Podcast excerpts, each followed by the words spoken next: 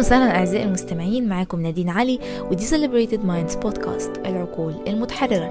وفي موضوعنا النهاردة بنتكلم على حاجة كتير مننا بيعاني منها وهي فكرة إرضاء الناس على حساب النفس. وهل ده فعلا ليه علاقة بالصدمة أو صدمات الطفولة من الأذية الجسدية أو الأذية النفسية؟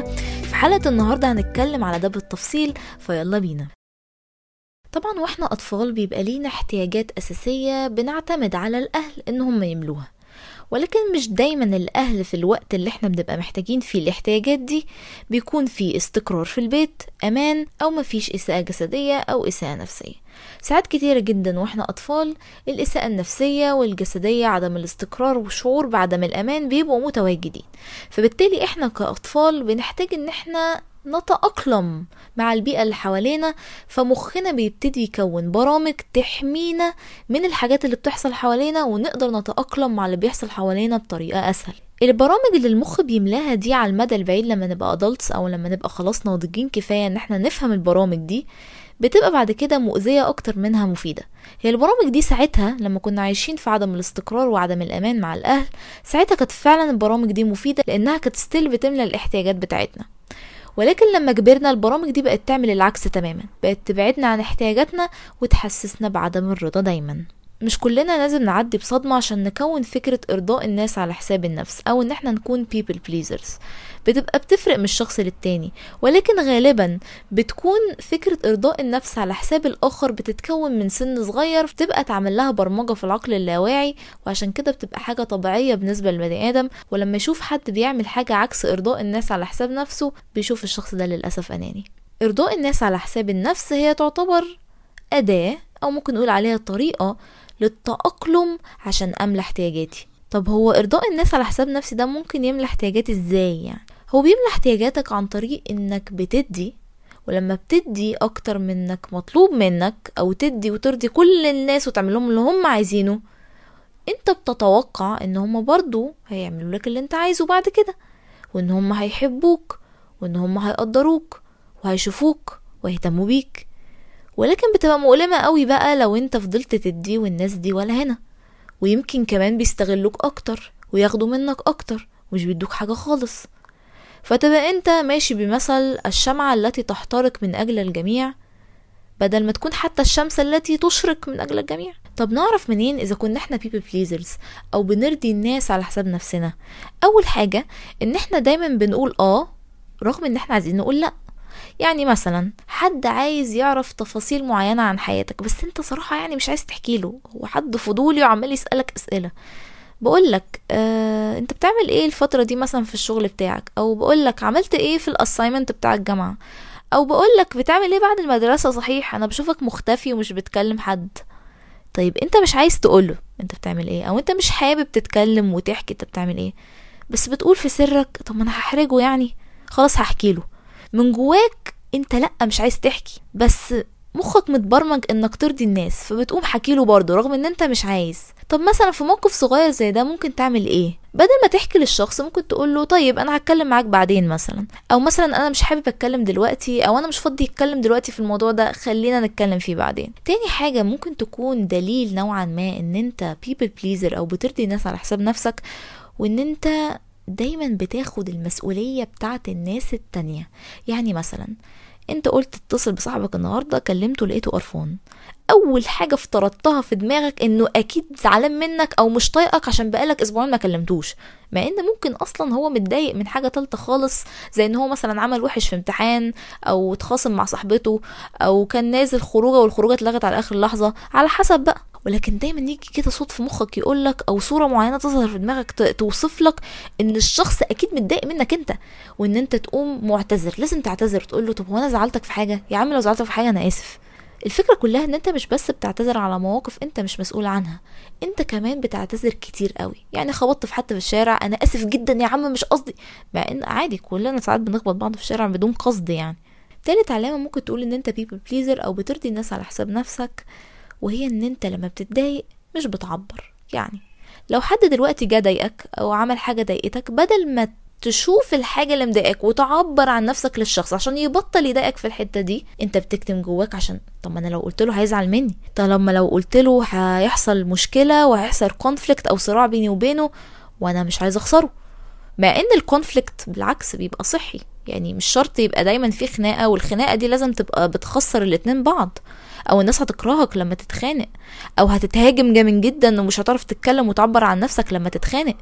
الخناق أو الصراع عموما صحي لأن كل واحد بيعبر عن احتياجاته أو بيعبروا عن حاجة كان فيها سوء تفاهم. فلما تتكرر تاني نعرف فعلا نتعامل معاها. خامس حاجة وهي إنك دايما بتحاول تساعد الناس حتى لو ما سألوش عن المساعدة. وبتبقى ساعتها وحشة قوي بقى لو حد قالك شكرا مش عايز نصيحة مثلا. في ساعات كتير قوي ممكن تلاقي حد متضايق وانت قلت إيه أنا عايز أبسطه. يعني جميلة جدا نيتك وكتر خيرك والله بس ممكن الشخص التاني ما طلبش المساعدة فساعتها يضايقك. ولو انت طبعا اتضايقت هتقعد بقى ترجع البيت أو ترجعي البيت أنا غلطانة أنا كنت بحاول أساعده وهو عمل كذا وكذا وكذا.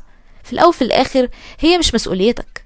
لو الشخص طلب منك المساعدة خلاص تمام مديله إيدك. طب لو ما طلبش مش مسؤوليتك إن أنت تصلح أو تنقذ حد. خامس حاجة وإن أنت بتمدح في الآخرين حتى لو أنت يعني مش طايقهم. يعني مثلا شفت حد النهاردة الصبح مش حاسه أو يعني ممكن نقول عليه مش بتحبه للدرجة يا عم. إيه يا عم ال outfit الجامد اللي انت لابسه ده؟ أو يا عم ال speech اللي انت قلتها امبارح دي كانت تحفة.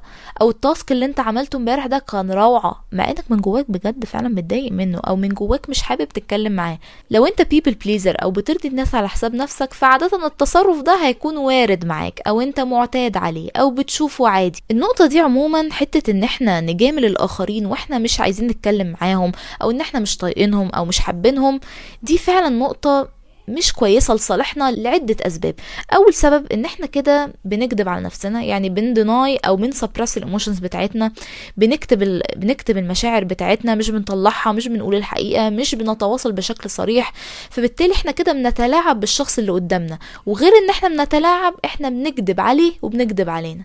فأحسن حاجة لما نيجي نقول حاجة كويسة لحد إنها تكون فعلا طالعة من قلبنا مش طالعة عشان عايزين ناخد منه حاجة معينة أو يعني بنحاول نغطي على المشاعر اللي إحنا حاسينها تجاه الشخص. واحدة برضو من العلامات الأخرى وهي فكرة إن أنت دايما أو إن أنت دايما عايزين تبانوا بيرفكت المثالية التامة.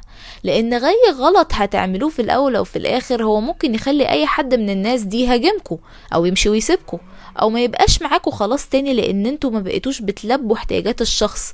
فأنت مش بس عايز أنت تبقى بيرفكت أو مش بس عايز نفسك تبقى مثالي أنت كمان عايز الآخرين يبقوا مثاليين زيك. أو حتى لما تبتدي أو انت أو أنت تبتدي تدوروا على شريك حياة بتدوروا على شخص مثالي اللي هو شبه يعني هو مش موجود لأن المثالية فقط للإله. والحاجة الأخيرة إن أنت دايما عندك معتقد إن الناس أحسن منك وإن الناس عارفة أكتر منك. فدايما بتدور على نصايح من ناس تانية أو على توجيه الناس توجهه ليك تمشي حياتك إزاي.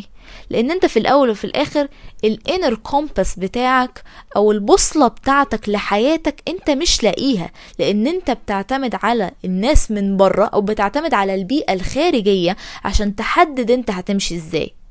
خلينا أكون واضحة أكتر في الحتة دي. يعني أنا عشان آخد احتياجاتي برضي الناس. يعني اللي قدامي متضايق أو متعصب أو مشاعره مش مظبطة أنا هفرحه عشان أنا أحس بالأمان وأكون راضي. ده رقم واحد. وأسأل شخص كمان تاني قاعد جنبه عن أمشي وآخد قرارات إيه في حياتي عشان أعرف أنا هعمل إيه. فبالتالي فكرة إن أنا بلجأ للآخرين عشان آخد قرارات حياتي هي في الأصل نابعة برضو من حتة ال people pleasing أو إرضاء الناس على حساب النفس. طيب إزاي بقى برضو ناخد بالنا من حتة ان ال people pleasing أو ارضاء الناس على حساب نفسنا ممكن تكون بتأذينا؟ أول أذية ممكن تكون حاجة زي كده بتأذينا فيها وهي فكرة إن إحنا على طول في توتر أو على طول في شدة إن شخص يزعل منك أو شخص يعمل حاجة من البيئة اللي حواليك مش متوافقة مع إحساس الأمان بتاعك. يعني يعمل أي تصرف يحسسك بعدم الأمان من الآخر. زعلان منك ما ردش عليك لما بعتله text بتكلمه عادي لقيت في تغيير بسيط في ال tone بتاع صوته مثلا أو تغيير بسيط في طريقة الكلام العادية بتاعته وكلام بقى من ده كتير. وفكرة إن أنت تبقى الشمعة التي تحترق من أجل الجميع ده بيوصلك بعد كده لمراحل الاحتراق النفسي اللي بيسمى ال burnout وساعتها بتبقى مش قادر خلاص تدي أكتر من كده فبتوصل لمرحلة إن أنت مش عايز تتعامل مع البشر وعايز تنعزل. تاني حاجة ال people pleasing بتأذي فيها هي فكرة برضو إن أنت بتبتدي بقى تندم. يعني لو حطينا مثال لبعض الأهالي اللي هم بيضغطوا على آه، أولادهم إن هم يدخلوا مثلا كلية معينة أو ياخدوا قرار في حاجة معينة أو يضغطوا من أي جهة من جهات الحياة عموما. يعني مثلا بلاش مثلا الحاجة دي لا كذا يحصل ولو عملت الحاجة دي أنا هزعل منك جدا. فهذا الشخص يعني أو هذه الشخصية اللي هو ال people pleaser أو اللي بيرضي الناس على حساب نفسه مش هيعمل الحاجة دي. ولكن بعد ما يعدي الزمن هيبتدي بقى يحس إن هو جوه مخه أو في سره يعني بيلوم الشخص ده إن هو تسبب بشكل أو بآخر إنه ما خدش القرار اللي كان عايز ياخده من جواه. فبالتالي ده بيؤدي للشعور بالندم والحزن إن أنت ما خدتش الفعل اللي أنت كنت عايز تاخده عشان حد قالك لأ ما تعملوش أو حد قالك لأ مش هيبقى شكلك حلو أو حاجة هتتأثر أو منظرك مش عارفة هيحصل فيه إيه فما خدتش القرار. تالت حاجة وهي اللي مهمة جدا إن ساعات ال people pleasing أو إرضاء الناس على حساب نفسنا بتأذينا فيها وإن هي بتبقى معظم العلاقات اللي إحنا فيها من أصدقاء لعلاقات قريبة جدا فيها مشكلة. إحنا بنتأمل إن إحنا لما نرضي احتياجات الناس كلها ونعملهم كل اللي هم عايزينه ده المفروض إن هو ينمي العلاقات بتاعتنا.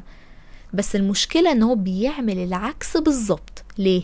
لأن أنت بتفضل ترضي واللي قدامك فاكر إن دي شخصيتك فعلا وإن ده العادي ولكن الفكرة إن أنت بتكذب عليه وبتكذب على نفسك إن أنت مش قايل له احتياجاتك ولا أنت حابب تعمل إيه ولا إيه الحاجة اللي أنت بتكرهها وإيه الحاجة اللي أنت بتحبها لمجرد إرضائه. فبالتالي بتوصل لمرحلة إن أنت تفضل تدي تدي تدي تدي لحد ما تجيب آخرك خالص بقى فتبتدي تبعد عن الشخص فجأة أو ما تردش عليه أو تختفي من حياته. فالشخص التاني يعني مش فاهم هو إيه اللي بيحصل. ما تتكلم معايا ما تقولي مثلا. فبالتالي العلاقات بتتأثر جامد جدا من موضوع ال people pleasing أو إرضاء الناس على حساب النفس. ندخل بقى على أهم حتة في ال episode أو الحلقة بتاعة النهاردة وهي طب إزاي أتعامل مع ال people pleasing mentality أو عقلية إرضاء الناس على حساب النفس؟ أول حاجة لازم نكون وعي عن هذا الباترن أو هذا النمط التفكيري. طب هكون وعي عن هذا النمط التفكيري إزاي؟ لازم أول ما ألاقي نفسي ابتديت أعمل فعل في إرضاء الناس على حساب النفس يعني لبيت أي حاجة من العلامات اللي إحنا حكينا عليها لسه من شوية دي آخد بالي ان بعمل الفعل ده. أنت مطلوب منك بس أنت تاخد بالك الفعل بيتعمل إمتى ومع مين وإزاي مش أكتر. فأهم حاجة إن أنت تاخد بالك من الأفكار اللي بتجيلك المشاعر اللي بتجيلك والأفعال اللي أنت بتعملها على حسب الموقف والشخص لما يحصل ال people pleasing أو لما تلاقي نفسك بترضي الناس على حساب نفسك. خليني أعيد الحتة دي تاني لأنها مهمة جدا. خلي بالك من أفكارك ومشاعرك والأفعال اللي أنت بتاخدها لما تحس إن أنت بترضي الناس. يعني أنا رحت رضيت حد على حساب نفسي دلوقتي فعايزة أعرف الأفكار اللي جات لي وقتها والمخاوف اللي ممكن أكون مثلا حسيتها أو المشاعر اللي ممكن أكون مثلا حسيتها فأعرف بقى ال map of thinking بتاعتي يعني خريطة تفكيري بخصوص الموضوع ده ومشاعري فلما آجي أتصرف أو أقع في نفس الموقف تاني أبقى عارف بفكر في إيه وبحس بإيه. طب أنا ليه بعمل ال process أو العملية دي كلها؟ عشان أعرف أواجه الأفكار والمشاعر دي بطريقة صحية وأتعامل معاها بطريقة صحية بدل ما ال result أو النتيجة بتاعتي بتكون ال people pleasing تاني حاجة وهي إن أنا أحط حدود. الحدود ممكن تكون حدود وقت الحدود ممكن تكون حدود جسدية حدود نفسية الحدود حدود في الشغل هي الحدود في حاجات كتير جدا. فواحدة واحدة أخد نفسي بالراحة لأن الحدود بالنسبة لحد بيبل بليزر أو بيرضي الناس على حساب نفسه هي حاجة شوية مرعبة. فواحدة واحدة خدي أو خد نفسك بالراحة من ناحية الحدود دي. قول لأ على حاجات مش عاجباك. ما فيهاش حاجة. الشخص زعل يزعل. الناس اللي فعلا هتبقى في حياتك بعد ما يحصل حبة التغييرات في شخصيتك دي هي الناس بتاعتك. الناس اللي هتمشي مع التغييرات اللي بتحصل لك دي ما كانوش ناسك من الأول. تالت فكرة وهي الأخيرة وإن أنت ما تحطش في دماغك إنك لما تقول لأ على حاجة أو لما تحط نفسك الأول إن أنت كده أناني أو إن أنت كده من الآخر مش جدع.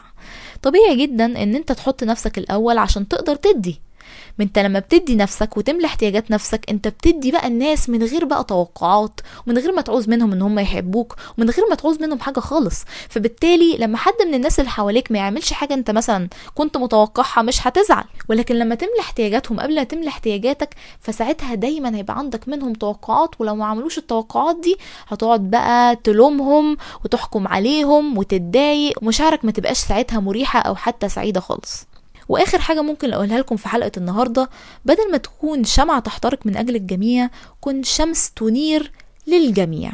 أنت شمس ذات نفسك وبتنير للباقي مش بتحترق عشان حد. وبكده وصلنا لنهاية الحلقة بتاعتنا. أتمنى كانت تكون مفيدة ليكم. لو عندكم أي أسئلة بخصوص الحلقة دي اكتبوها في التعليقات تحت. ولو حابين مواضيع مختلفة أو عندكم أفكار لمواضيع مختلفة حابين إن إحنا نتكلم عليها في البودكاست برضو اكتبوها في التعليقات تحت. وما تنسوش تعملوا rating للبودكاست عشان توصل لأكبر عدد من الناس. وأشوفكم الحلقة الجاية. باي باي.